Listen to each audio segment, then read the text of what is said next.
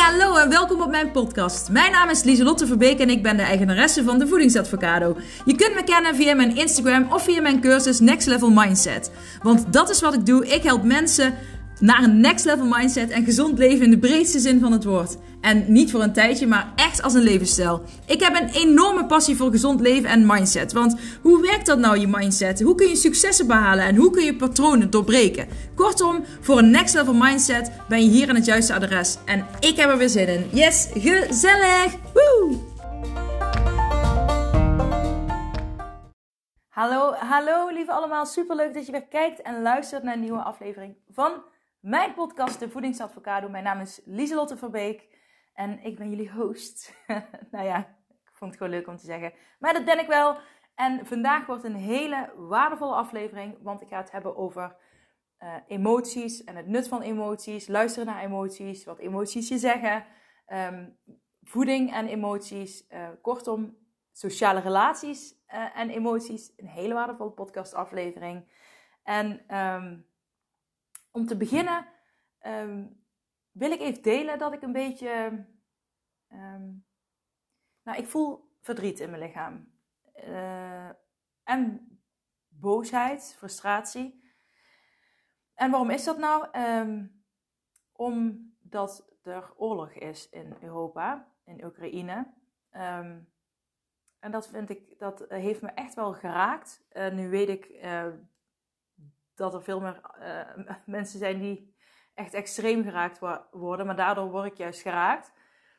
Ik um, uh, snap oorlog gewoon niet zo goed. En um, nu weet ik dat het overal op de wereld gebeurt en er gebeuren hele heftige dingen in bepaalde landen uh, waar ook niks mee gedaan wordt, terwijl dat wel zou moeten. Maar ik vind dat heftig en Vanuit Acceptance and Commitment Therapy heb je een metafoor en die gebruik ik heel vaak. Ook bij mijn klanten van um, uh, als, er, hè, als je allerlei gedachten hebt, uh, bepaalde gevoelens en je gaat er steeds naartoe um, en je gaat ermee fuseren, je gaat je ermee vermengen, um, dan hou je het groot, dan hou je het gaande. Maar dan zeg ik altijd, als er een oorlog is en niemand gaat er naartoe, dan is er ook geen oorlog. En die metafoor gebruik ik dan altijd voor je eigen gedachten. Um, van als je er niet steeds naartoe gaat, als je er niet steeds jezelf mee fuseert, um, uh, ermee één wordt, uh, als je ze niet te veel aandacht geeft, focus, om ze te kunnen laten groeien, dan blijft het bestaan.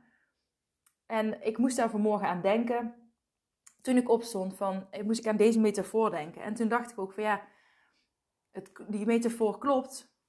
Um, met gedachten en zo is hij heel fijn om te gebruiken. Maar ik vond hem um, ook lastig. Want ik dacht, ja, het is natuurlijk niet zo zwart-wit uh, zoals het in real life gebeurt. En um, die metafoor is ook niet uh, om een oorlog te stoppen, maar om de oorlog in je hoofd te stoppen. En nu weet ik ook dat, dat, dat er dan altijd nog dingetjes door kunnen gaan. En uh, ja, er zijn altijd nog gedachten die dan opkomen, die, die blijven vervelen. En um, op een gegeven moment moet je er mee leren leven. En ik zag gisteren um, een stukje op het nieuws over Oekraïne. En ik zag een, een huis uh, met uh, ouders en kinderen. En die filmden vanuit hun raam. En je zag gewoon ja, raketten vliegen. En uh, bommen. En ik hoorde een kindje heel hard schreeuwen. En Oh, dat raakte mij zo. Ik kreeg echt uh, tranen uh, in mijn ogen die over mijn wangen liepen. Omdat ik dat dan... Ja, ik heb een extreem inlevingsvermogen. Ik weet velen van jullie ook. En um, dat raakt me dan enorm. Dan ga ik, nu ik dit vertel ook, dan voel ik het weer helemaal. Dan denk je, jeetje, hoe heftig is dat als je met je gezin en je kinderen...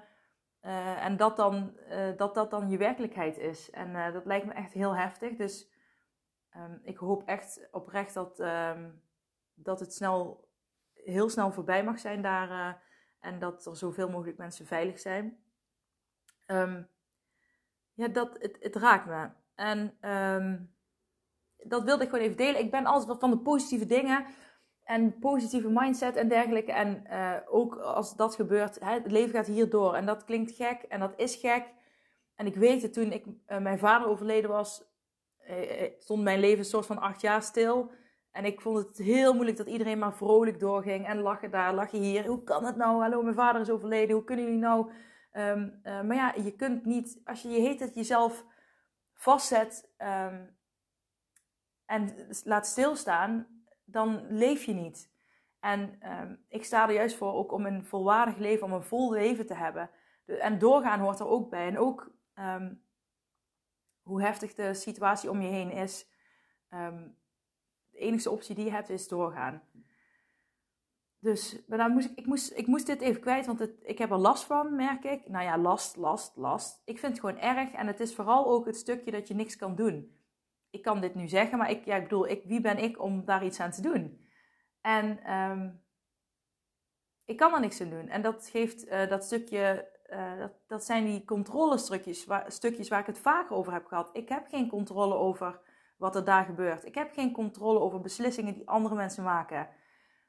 Maar ik heb wel controle over mijn gedrag. En ik heb controle over wat ik doe. Dus als iedereen nou die zelfcontrole pakt over wat jij vindt, wat, hè, wat jij uh, gewoon doet, dan voel je je weer meer kracht. Omdat je, uh, kijk, ik kan dit elastiekje pakken, ik kan de microfoon oppakken, ik kan een pen oppakken. Ik, ik, dat zijn allemaal dingen die ik nu kan doen. En um, dat is ook zelfcontrole. En um, daar moest ik ook aan denken. Want ik denk, ik heb geen controle over die oorlog, maar ik heb wel controle over dingen die ik doe. Dus daar ga ik me ook op focussen. Um, dat gezegd te hebben, uh, rond ik dat stuk even af. Want ik kan er uh, ja, heel lang over doorpraten, hoe erg ik het vind. Maar ja, daar los ik dus niks meer op. Um, ik wil dit wel gewoon graag gezegd hebben, uh, omdat ik het belangrijk vind om dat te zeggen dat ik zo'n dingen um, heel erg vind en ook niet oké vind. Dus um, ja, wie ben ik? Omdat, uh, ja, niet dat er daardoor iets verandert, maar ik wil het wel gewoon graag gezegd hebben. Mm. Dus, iets anders. Hè? Want we gingen het hebben uiteindelijk over emoties. En daar gaan we ook naartoe. Eerst wil ik een persoonlijk verhaal vooraf vertellen. Want ik ben altijd open en eerlijk met jullie. En nu dus ook. En uh, ja, jullie weten dat ik um, een angststoornis heb. En sommigen zullen wel denken, ook vanuit de Law of Attraction, Lieslot, waarom zeg je dat je een angststoornis hebt? Want als je dat dus niet zegt, dan, uh, als je zegt, ik heb geen angststoornis meer, of uh, ik voel geen angst, bla bla, um, hè, dat zou dan Law of Attraction gezien beter zijn, omdat hè, wat je, je trekt dat dan aan dat heb ik geprobeerd. En um, toen de angst dus, toen ik weer een paniekaanval kreeg, um, niet af, uh, ander, anderhalf jaar geleden alweer. Oeh, anderhalf jaar geleden alweer. High five. Toen um, kwam de klap extra hard aan. Omdat ik dus tegen mezelf had gezegd, uh, ik ben genezen van mijn angststoornis. En toen kwam het ineens heel erg terug zonder dat ik het in de gaten had. En het is super rot als je iets terugkrijgt terwijl je denkt dat je ervan uh, genezen bent. Dus uh, ik heb gewoon leren accepteren dat ik het heb. Um, waardoor als ik er dan last van krijg, dan um, is het een minder groot contrast. Dan is het minder heftig, omdat ik weet, oké, ik heb het en ik kan ermee dealen en ik doe dit.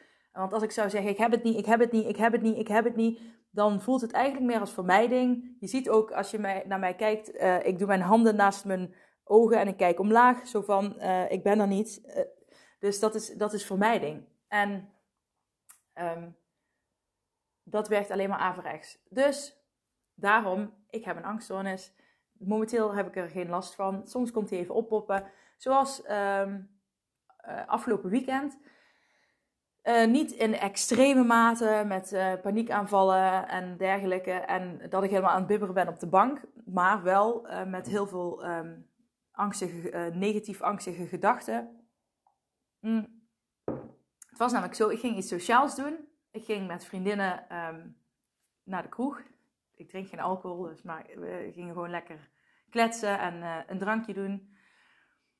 En dat was echt de eerste keer in twee jaar of zo dat ik weer naar de kroeg ging. En um, zondag toevallig uh, was er een andere vriendin jarig. En die, daar ben ik ook even een uurtje naar de kroeg geweest om dat uh, te vieren. En bij beide had ik echt van tevoren dat ik um, ja, allerlei gedachten tegen mezelf ging zeggen um, uh, over wat die vriendinnen, echt allemaal goede vriendinnen, hele goede vriendinnen zelfs, van mij zouden vinden. En ik ging mezelf, ehm, eh, omdat het twee jaar geleden is dat ik echt zoiets ging doen, uh, werd ik een beetje in een valkuil van die ik eerder had getrapt. En toen ik mijn angstzones had, had ik ook last van sociale angsten. Dus ik ging heel veel dingen invullen voor andere mensen. En zo extreem dat ik zelfs non-verbale dingen heel fout ging lezen. Terwijl ik daar heel sterk in ben, maar dat werkte heel erg tegen me. En um, ik, ik, ik had zoveel last van. Uh, uh, nou, het begon, waar begon het ook weer? Oh ja, er werden wat vragen gesteld. Hoe, hoe, weet je, hoe gaat iedereen naar huis? Het, het stormde. En um, uh, daardoor ging ik van allerlei dingen invullen. En oh, ze zullen dit wel vinden, of ze zullen dat wel vinden. En um, dat geloofde ik echt. En op een gegeven moment had ik daar zoveel last van, dat ik dus in bed ben gaan liggen. En ik zei, ik ga niet meer, ik ga niet meer. Ik ga niet meer. Dat was een half uur voordat ik eigenlijk zou gaan. En ik had nog wel mijn outfit aan en alles. Uh, maar ik was in bed gaan liggen, licht uit. Ik zei, ik ga niet meer. Zoveel last had ik van die um, gedachte, de gedachte dat ik dus dingen invul voor andere mensen. En dat is, dus het kwam denk ik nu zo sterk, omdat het naar voren, omdat ik het dus al, al heel lang, ik heb heel veel, met de corona heb je een beetje in een bubbeltje geleefd. Ik heb natuurlijk heb ik met die vriendinnen afgesproken, maar dat we naar de kroeg gingen, dat hadden we al lang niet meer gedaan. Dus dat was weer, weer een nieuwe uh, situatie. En wat doen je hersenen? Die uh, gaan ervaringen van het verleden daar gaan ze in grabbelen en die gaan ze weer toepassen op de nieuwe situatie. Nou, in het verleden, kijk, het was niet twee jaar geleden, maar meer jaren daarvoor had ik heel veel last van die sociale angst. Dus dat ik dus ook niet ging en dat ik dingen af ging zeggen, omdat ik dus te veel last had van dingen die ik um, uh, invulde in mijn hoofd. En uh, het ergste is dat ik dan thuis bleef. Dus ik was aan het vermijden, waardoor het alleen maar gaat groeien. Het gaat groeien. Dus um, ik lag in bed en toen besefte ik me ook van, hé, hey, maar dit zijn dus die, dat, zijn, dat is de angst die nu aan het praten is. Dat ben, niet, dat ben ik niet, dat is mijn angst. Die uh, wil, hè, wil mij veilig hebben, die wil mij beschermen. Um, ja, uh, want hallo, het is niet leuk als mensen zo'n ding over je zeggen, maar ik weet, ja, mijn angst die vult dat allemaal in. Ik weet dat dat niet waar is. En dan pas ik altijd het, um, het uh, zinnetje toe, feel the fear and do it anyway. Ik voel de angst, maar ik doe het toch. Want ik weet, als ik niet ga, dan gaat de angst groeien. Dus ik ben uiteindelijk toch gegaan en echt serieus de eerste seconde dat ik binnenkwam, eh, vervielen alle angsten. En het was echt super leuke avond. En ook eh, de zondag was het toen ik met de andere vriendinnen was gegaan, was ook super leuk. Daar had ik zelfs ook benoemd um, van uh, ja, hoe dat dan met mij. Ik zei ja, ik heb van tevoren even in bed gelegen omdat ik het lastig vond te komen, invullen. En um, toen werd er alleen maar. Uh, ik ben ook altijd heel open naar mijn vriendinnen. Dat is zeker een tip. Want ja, als anderen weten wat er in jou speelt, dan, nou ja, dan begrijp je elkaar gewoon beter. Buiten dat anderen iets per se hoeven te doen. Ze begrijpen, je begrijpt elkaar dan beter. En uh, toen merkte ik dat anderen dat ook wel eens hebben. En zo ontstaan er ook hele mooie gesprekken. En zie je dat ja, iedereen zo'n dingetje heeft. Alleen de een heeft het in extremere mate dan de andere. Dus um, dat wil ik erover zeggen. Maar ook dat stukje zelfcontrole zit hierin. In de zin van, ik heb geen controle over al die gedachten die komen. Uh, vind ik die vervelend? Ja. Feel the fear and do it anyway. En do it anyway is het stukje zelfcontrole. Ik heb de controle. Ik kan nu, uh, ja niet nu, maar ik kon toen opstaan uit bed, mijn jas aantrekken, uh, de auto in en gaan. Dat is, en dat is echt zelfcontrole. Dat is iets wat je, wat je zelf kan doen. Dus dat is mega vet. En um, ja, zoals ik al zei, ik kwam één seconde binnen en alle angsten, gedachten, invullingen vielen van mij af. En uh, omdat ik ook weet, kijk, ik heb er natuurlijk heel veel geoefend, omdat ik ook weet van, oké, die gedachten die, die zijn er, die horen bij mij op de een of andere manier, maar die kloppen niet met de werkelijkheid. Daarom heb ik ook een angststoornis, omdat ik dus van die extreme gedachten ooit kan hebben die niet kloppen met de werkelijkheid. En als je daar heel erg aan, uh, naar gaat geloven, uh, ook met mijn hypochondrie, hè, dat ik, oh, ik heb buikpijn en dan kan ik ook extreme gedachten erbij uh, maken die ik dan kan gaan geloven. Ik moet zeggen, dat hypochondrie stukje vind ik altijd toch wel de moeilijkste. maar ook daar werkt het precies hetzelfde. zodra je gaat fuseren met de gedachten, dus met de angstgedachten, dat je er één mee wordt, dan gaat het vaak een beetje mis. En, maar goed, dat kan ook weer losgekoppeld worden. En uh, je leert elke keer weer, mocht jij ook een angstzones hebben uh, en er last van hebben, probeer van elke keer dat je een angststoornis hebt, op het moment dat je dus een paniekaanval hebt, of je, of je hebt, merkt op, ik heb ineens bergen vol uh, van die negatieve gedachten die allerlei dingen invullen. En uh, ik, ben, ik merk op dat ik dingen aan het aanpraten ben. Uh, leer daar dan van. Kijk eens, wat gebeurt er nu precies? Hè? Schrijf erover. En dat hoeft niet per se in het moment te zijn, maar je kunt ook achteraf erover schrijven. En wat ik nu net al zei, is het opmerken. ik merk op dat ik weer dit aan het denken ben. Dat is echt een hele goede, hele simpele um, oefening eigenlijk die je kunt toepassen op zo'n moment. Um, even een slokje van mijn koffie, anders is hij koud. Mm. Maar herken je dat als je dan iemand aankijkt um, en dat je denkt: Oh, die gaat van alles, die is nou van alles over mij aan het denken. Maar besef je, als jij iemand aankijkt, kun jij niet zien wat die ander denkt. En als de ander jou aankijkt, kan de ander ook niet in jouw hersenen kijken en zien wat jij denkt. Uh, dus stop met het invullen van wat anderen zouden kunnen denken over jou. Stop daarmee. Stop, stop, stop daarmee. Want um, heel vaak vul jij zelf in wat een ander zou kunnen denken. En dat is vaak heel negatief. En als je het dan gaat checken bij de ander, dan is het meestal of niet waar, of het valt heel erg mee, of het is iets anders. Um, waarom zou je dat jezelf aandoen? Om constant uh, zulke negatieve, ja, negatieve vibes, negatieve energie uh, over jezelf uh, uit te lokken vanuit jezelf. Je doet het jezelf aan. Dus stop daar alsjeblieft mee. Merk het op en zeg: hey, hey, hey, nu ben ik weer mezelf of dingen aan het invullen voor anderen en mezelf aan het afkraken. Is niet nodig. Weet je wel, ik mag vriendelijk en lief en mild zijn voor mezelf. En als anderen iets vinden, mogen ze het zelf tegen jou zeggen. Dan mogen zij hun grens aangeven. Jij hoeft niet hun grens aan te geven, dat mogen zij doen. Oké? Ehm, ja, emoties. Um, Hmm. Want wat wil angst nu bijvoorbeeld in zo'n situatie zeggen tegen mij? Nou, angst wil bijvoorbeeld zeggen: uh, kijk uit, um, uh, ja, kijk uit, ik wil je beschermen, pas op, uh, zulke dingen. Maar als je dan gaat kijken naar de situatie van: ik ga met mijn vriendinnen naar de kroeg. Oké, ik moet even mijn geluid uitzetten. ik moet met mijn vriendinnen naar de kroeg en dan denk je: oké, maar wat is het? Hoezo moet ik dan beschermd worden? En beveiligd. Oké, het was, uh, het stormde. Dus dat, dat is één ding. Misschien speelde dat mee. Dat het wat extremer was. Dat bij, mijn hoofd ergens zoiets had van, ja, maar het stormt, dat is gevaarlijk, opletten. Dat kan. En uh, dat is op zich een realistische angst. Hè? Van, het is storm, je moet opletten. Dus dat is logisch dat je lichaam dan wat angstiger kan worden. En zo van, hé, hey, je moet alert zijn.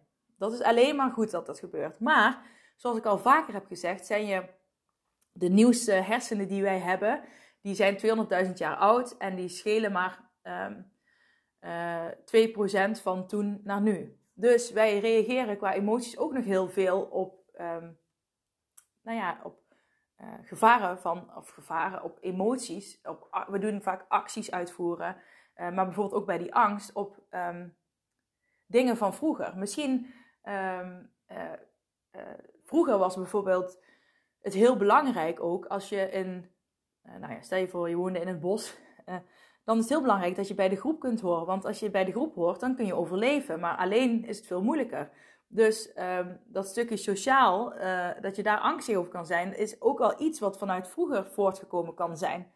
En, um, maar als ik dan naar de, het leven nu ga kijken, van moet ik angstig zijn om naar de kroeg te gaan met vriendinnen? En ik was allerlei dingen aan het invullen die ze niet gezegd kunnen hebben. Want ja, ze waren er op dat moment niet, alleen ik zelf.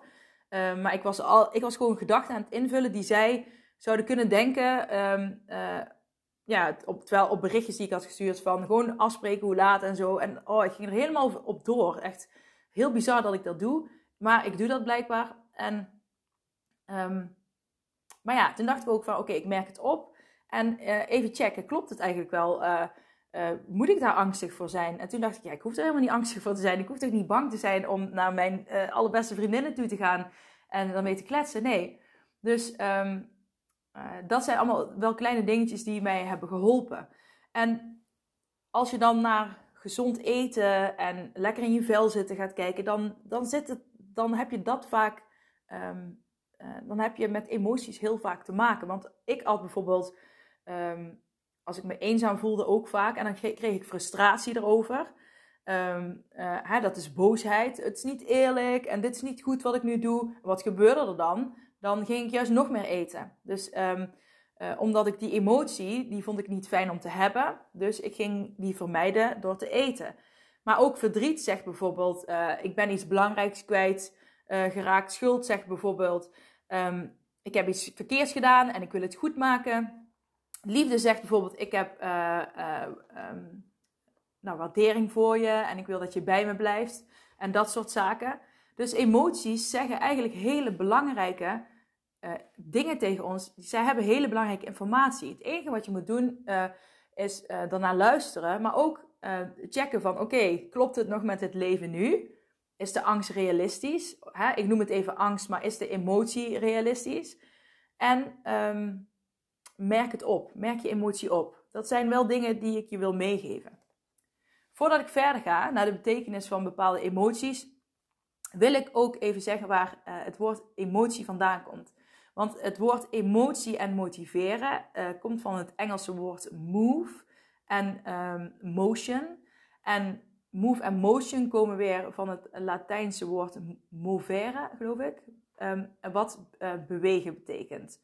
En um, emoties bereiden je voor om op een bepaalde manier te bewegen. Dus laat die even tot je inwerken. Emoties bereiden je voor om op, eh, nou, emoties bereiden je lichaam erop voor om op een bepaalde manier te bewegen. dus angst zorgt ervoor dat je lichaam op een bepaalde manier gaat bewegen. Woede, verdriet, schuld, liefde. Dat zorgt er allemaal voor ja, dat je uh, lichaam zich gaat voorbereiden. En gaat bewegen. En op beweging, zoals ik al zei, hebben wij zelfcontrole. Dus dat is interessant. Dat is interessant. Um, dat is interessant, ja. Uh, oh, mijn telefoon gaat. Actie. Um, emoties zorgen eigenlijk voor actie in reactie op specifieke prikkels. Dat kun je ook onthouden. Um, ze zetten, ik heb even opgeschreven, ze zetten je ertoe aan bepaalde bewegingen te maken die passend moeten zijn en het leven zouden moeten verbeteren. Ja, oké. Um, dus dat, dat is over emoties. Emoties uh, uh, zijn wat dat betreft een soort van ondergewaardeerd. Mensen vinden emoties vaak lastig. Uh, emoties willen vaak weg hebben. We gaan ze of helemaal distancieren. Dus we gaan, er helemaal, we gaan het extreem vermijden. Um, waardoor we dus zeggen, maar ik voel helemaal niks. Nou, als je, zegt, als je dus zegt, ja, maar ik voel, weet helemaal niet wat ik voel, dan ben je waarschijnlijk extreem je emoties aan het vermijden, omdat je een bepaald gevoel hebt wat heel naar is. Maar juist dat gevoel moet je toelaten, dat mag er zijn, daar moet je juist naartoe gaan, zodat je uh, er doorheen kunt gaan en um, weer verder kunt leven. Dus als jij nu tegen jezelf uh, zegt: Ik weet niet wat ik voel, ik voel niks, ga er dan vanuit dat je waarschijnlijk een extreme um, eh, vermijding aan het toepassen bent. En wat ben je dus aan het vermijden? Wat, wat voel je echt? Wat voel je eigenlijk? En probeer daar eens naartoe te gaan. Waar voel je het? En uh, zoom daar eens op in. Nee, dat hoeft niet altijd fijn te zijn, maar juist het er laten zijn zorgt ervoor dat je er uiteindelijk minder last van hebt. Um, maar het is ook goed om, ook als je met voeding lekker in je vel zitten, omgaan met het negatieve stemmetje in je hoofd.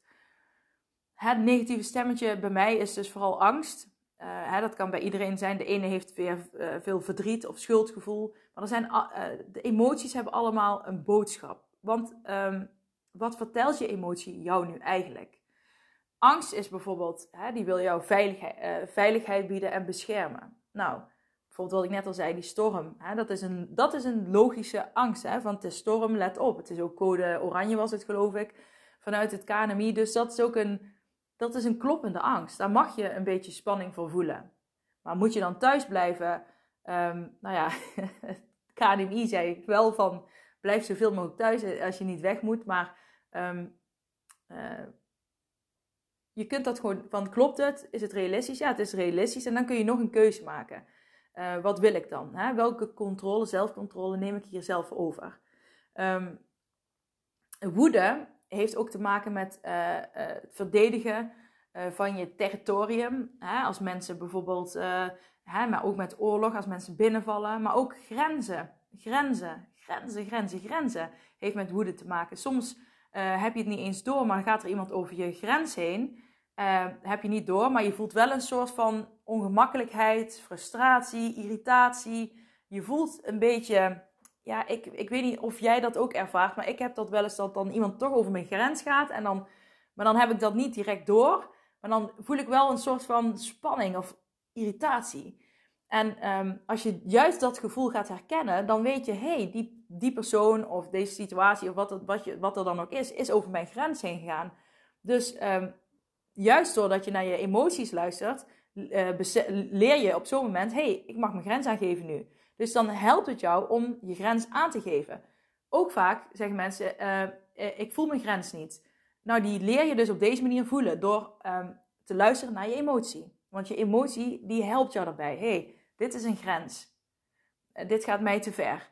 Um, woede helpt je ook uh, met wat je dus wel en niet wil. Omdat je dus die grenzen gaat voelen. Dus juist luisteren naar die emoties helpt je. Moet je je laten leiden door emoties?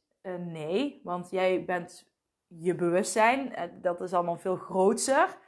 Maar je emoties horen wel bij jou, die horen bij het leven, die maken ons mens juist uniek.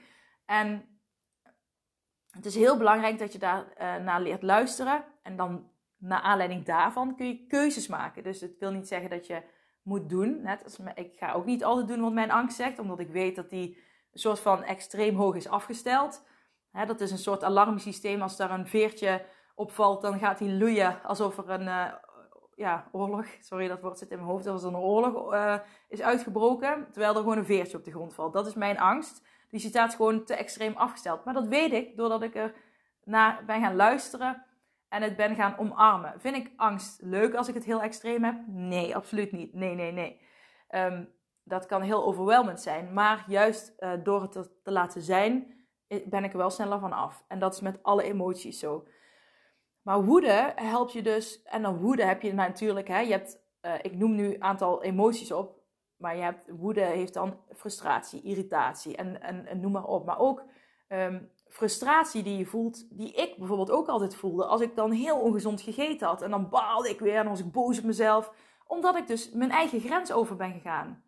Met betrekking tot gezond eten. En als je dat maar blijft doen, blijft doen, dan um, ga je dus ook die disbalans creëren met jouzelf, ja, jouw werkelijke zelf en wat je doet. En wat gebeurt er, wat ik vaker zeg, ik geloof echt dat dat is uh, wat dus uh, een burn-out, uh, angststoornis, stress, extreem overgewicht of wat dan ook, lichamelijke klachten kan veroorzaken. Juist door die disbalans, door niet te luisteren naar je lichaam. Dus dat. Um, verdriet geeft bijvoorbeeld heel erg aan dat jij um, rust moet nemen, moet herstellen na, na verlies bijvoorbeeld. En uh, als je verdriet ervaart, dan um, zie je ook heel vaak, nou dat moet ik mezelf weer als voorbeeld stellen, maar dat is wel gebeurd. Toen um, mijn vader, uh, die is al bijna tien jaar overleden, dit jaar, nee, ja, dit jaar tien jaar. Toen hij overleed, toen, toen dronk ik nog wel alcohol. Uh, toen ben ik ook veel meer alcohol gaan drinken. En um, ik ben toen zelfs, uh, en heb ik een paar maanden gerookt. Echt heel erg om te zeggen, maar ik, ik rookte daarvoor. Uh, ik heb vroeger gerookt toen ik jonger was. Toen, ik was al heel lang gestopt. En toen mijn vader overleden was, heb ik dus iets, een paar maanden weer gerookt. Omdat ik gewoon niet wist wat ik met het verdriet aan moest. Dus ik ging heel veel roken en drinken. En uh, veel op stap. En um, ja, ik was helemaal in de war. En toen ging ik ook nog, als ik dan op stap ging, um, met, uh, ging ik met, uh, weet je wel, vrienden ging ik ook weer allerlei dingen invullen. Uh, dat was ook allemaal extreem. Ja, het was, dat heeft allemaal geleid tot een explosie, een implosie, die uiteindelijk een explosie was in, in mezelf, uit mezelf. Tot, het, tot de angststoornis, overgewicht, alles. Negatief over mezelf denken, zelf afkraken, kritisch zijn, bladibladibla. Um, maar dat ging ik dus doen. Ik had verdriet. Wat ging ik doen? Ik ging het gevoel van verdriet vermijden door heel veel te drinken, te roken, allemaal dingen te doen die uh, juist niet goed zijn voor jezelf, die juist averechts gaan werken. En, um,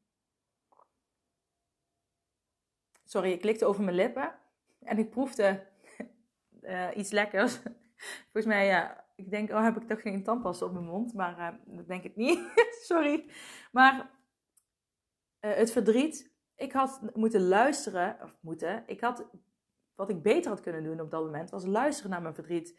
En toegeven, oké, ik neem even wat meer rust. Zodat ik kan herstellen. Zodat mijn lichaam weer kan opladen. En dat ik weer mezelf kan worden. En uh, dat wil niet zeggen dat je dan de hele dag thuis moet gaan zitten.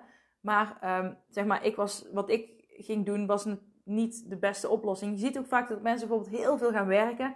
En um, uh, moet dat per se slecht zijn? Nee, want um, kijk, uh, alcohol en uh, roken is natuurlijk een slechte vermijding. Heel veel werken, ja, dat kan slecht zijn en dat kan een goede. En nou, ik zou niet te veel werken. Alles met te is natuurlijk nooit goed. Maar werken kan je wel helpen om je gedachten even af te leiden, om je focus ergens anders op te leggen. Uh, om, en niet steeds in het verdriet te zitten. Maar het is wel voor je lichaam heel belangrijk. Je lichaam, je letterlijk, je lichaam heeft ook rust nodig. Jouw lichaam moet dat verdriet ook verwerken. Dus het is wel zeker belangrijk dat je uh, gewoon meer tijd uh, voor jezelf inplant om te kunnen herstellen. Ja, om weer jij te kunnen zijn. Ik wil niet zeggen dat, um, nou ja, de rouw is natuurlijk een heel ander stuk. Ga ik nu niet dieper op in. Um, herstellen van extreem verdriet wil niet zeggen dat je uh, het uh, verdriet niet meer hebt of niet meer voelt. Ik mis mijn vader nog iedere dag en soms moet ik ook nog om huilen. Maar dat is dan ook een moment dat ik dan even rust pak voor mezelf en de tijd daarvoor neem. Soms ga ik wandelen. Mijn vader ligt op een natuurbegraafplaats, dan ga ik daar wandelen. Dan, ga ik met de kinderen bijvoorbeeld het graf weer mooi maken. Um, weet je, dat is ook rust pakken. Dus dat wou ik daarover zeggen. Um, dan heb je ook nog schuld. Dat is ook een um, interessante emotie die je kan voelen. Want dat zegt ook veel over hoe ga je met anderen om. En uh, misschien is dat een, um, zegt jouw lichaam, ga eens relaties herstellen die je had. Hè? Um, ja, hoe ga je met anderen om? En ga daar eens wat meer naar kijken zelf. En dat is wat een schuldgevoel voor uh, vragen kan oproepen en wat een schuldgevoel jou kan zeggen. Dat gaat vaak over uh, sociale relaties en um, hoe jij omgaat met de anderen. En dan de laatste, dat is uh, de emotie liefde. En liefde staat voor verbinding, um, hechting, zorgzaamheid. En uh, liefde is denk ik wel de mooiste emotie, delen. liefde staat ook voor delen. En dat, is, en dat vond ik wel, vind ik een hele mooie. Want um, delen is natuurlijk wat ik nu ook aan het doen ben. Ik deel altijd veel informatie en positiviteit, inspiratie, motivatie. En ik hoop ook echt oprecht dat je er iets aan hebt. En um, nou ja, dat doe ik vanuit liefde. En um, ja, dat, uh, en ook die verbinding uh, die we met elkaar hebben. En um, ook die ik met mijn klanten heb. En op Instagram, het klinkt allemaal van, uh, weet je wel, heel veel mensen doen ooit van oh, Instagram, bla bla. Maar ik heb oprecht mooie gesprekken met mensen, maar ja, ook de verbinding die ik met mijn klanten heb, vind ik echt, um, nou, die voelt voor mij altijd wel als puur en echt. En uh, dat is, ja, dat is ook, ja, die voelt gewoon zo. Ik, met, ik, op de een of andere manier trek ik altijd gewoon mensen aan waar ja, dan hebben we gewoon een, een klik. En dat voel ik heel sterk en dat vind ik ook belangrijk. En dat is ook de heel de reden waarom ik een podcast begonnen ben, om dingen te delen, om mensen uh, um, nou ja, iets te kunnen bijdragen. Dus um, dat is een hele mooie emotie om je op te focussen. En uh, liefde kun je ook voelen. Dus hè, dat die liefde is veel groter dan wat soms alleen maar, ja, je weet wel wat ik bedoel, fysieke dingen zijn. liefde is wat ik vroeger wel als kind dacht van, oh, is dat dan de liefde? Maar liefde is, toen, ja, nou, mijn man heb ik natuurlijk uh, gewoon, heb ik dit ook, die verbinding, hechting, zorgzaamheid. Maar, je, er is zoveel liefde als je dan gaat rondkijken.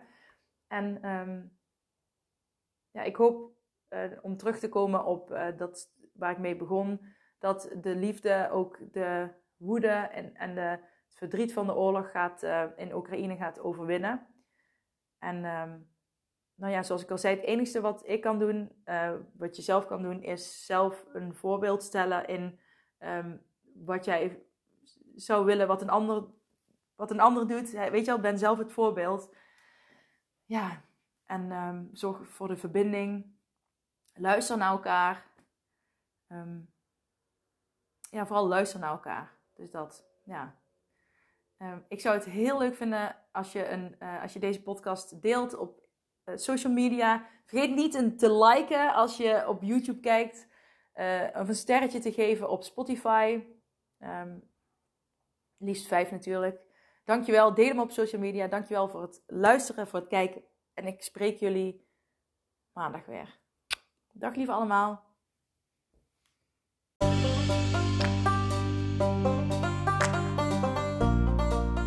Dat was het weer voor deze keer. Bedankt voor het luisteren en voor alle gratis content die ik deel. Zou ik je één dingetje terug mogen vragen? En dat is om een printscreen te maken van deze podcast en deze te delen op social media met vrienden, familie en of collega's en iedereen waarvan je denkt: dit moet je horen. Op die manier kan ik nog meer mensen bereiken en nog meer mensen helpen om naar een next level mindset te kunnen komen. Oké, doei!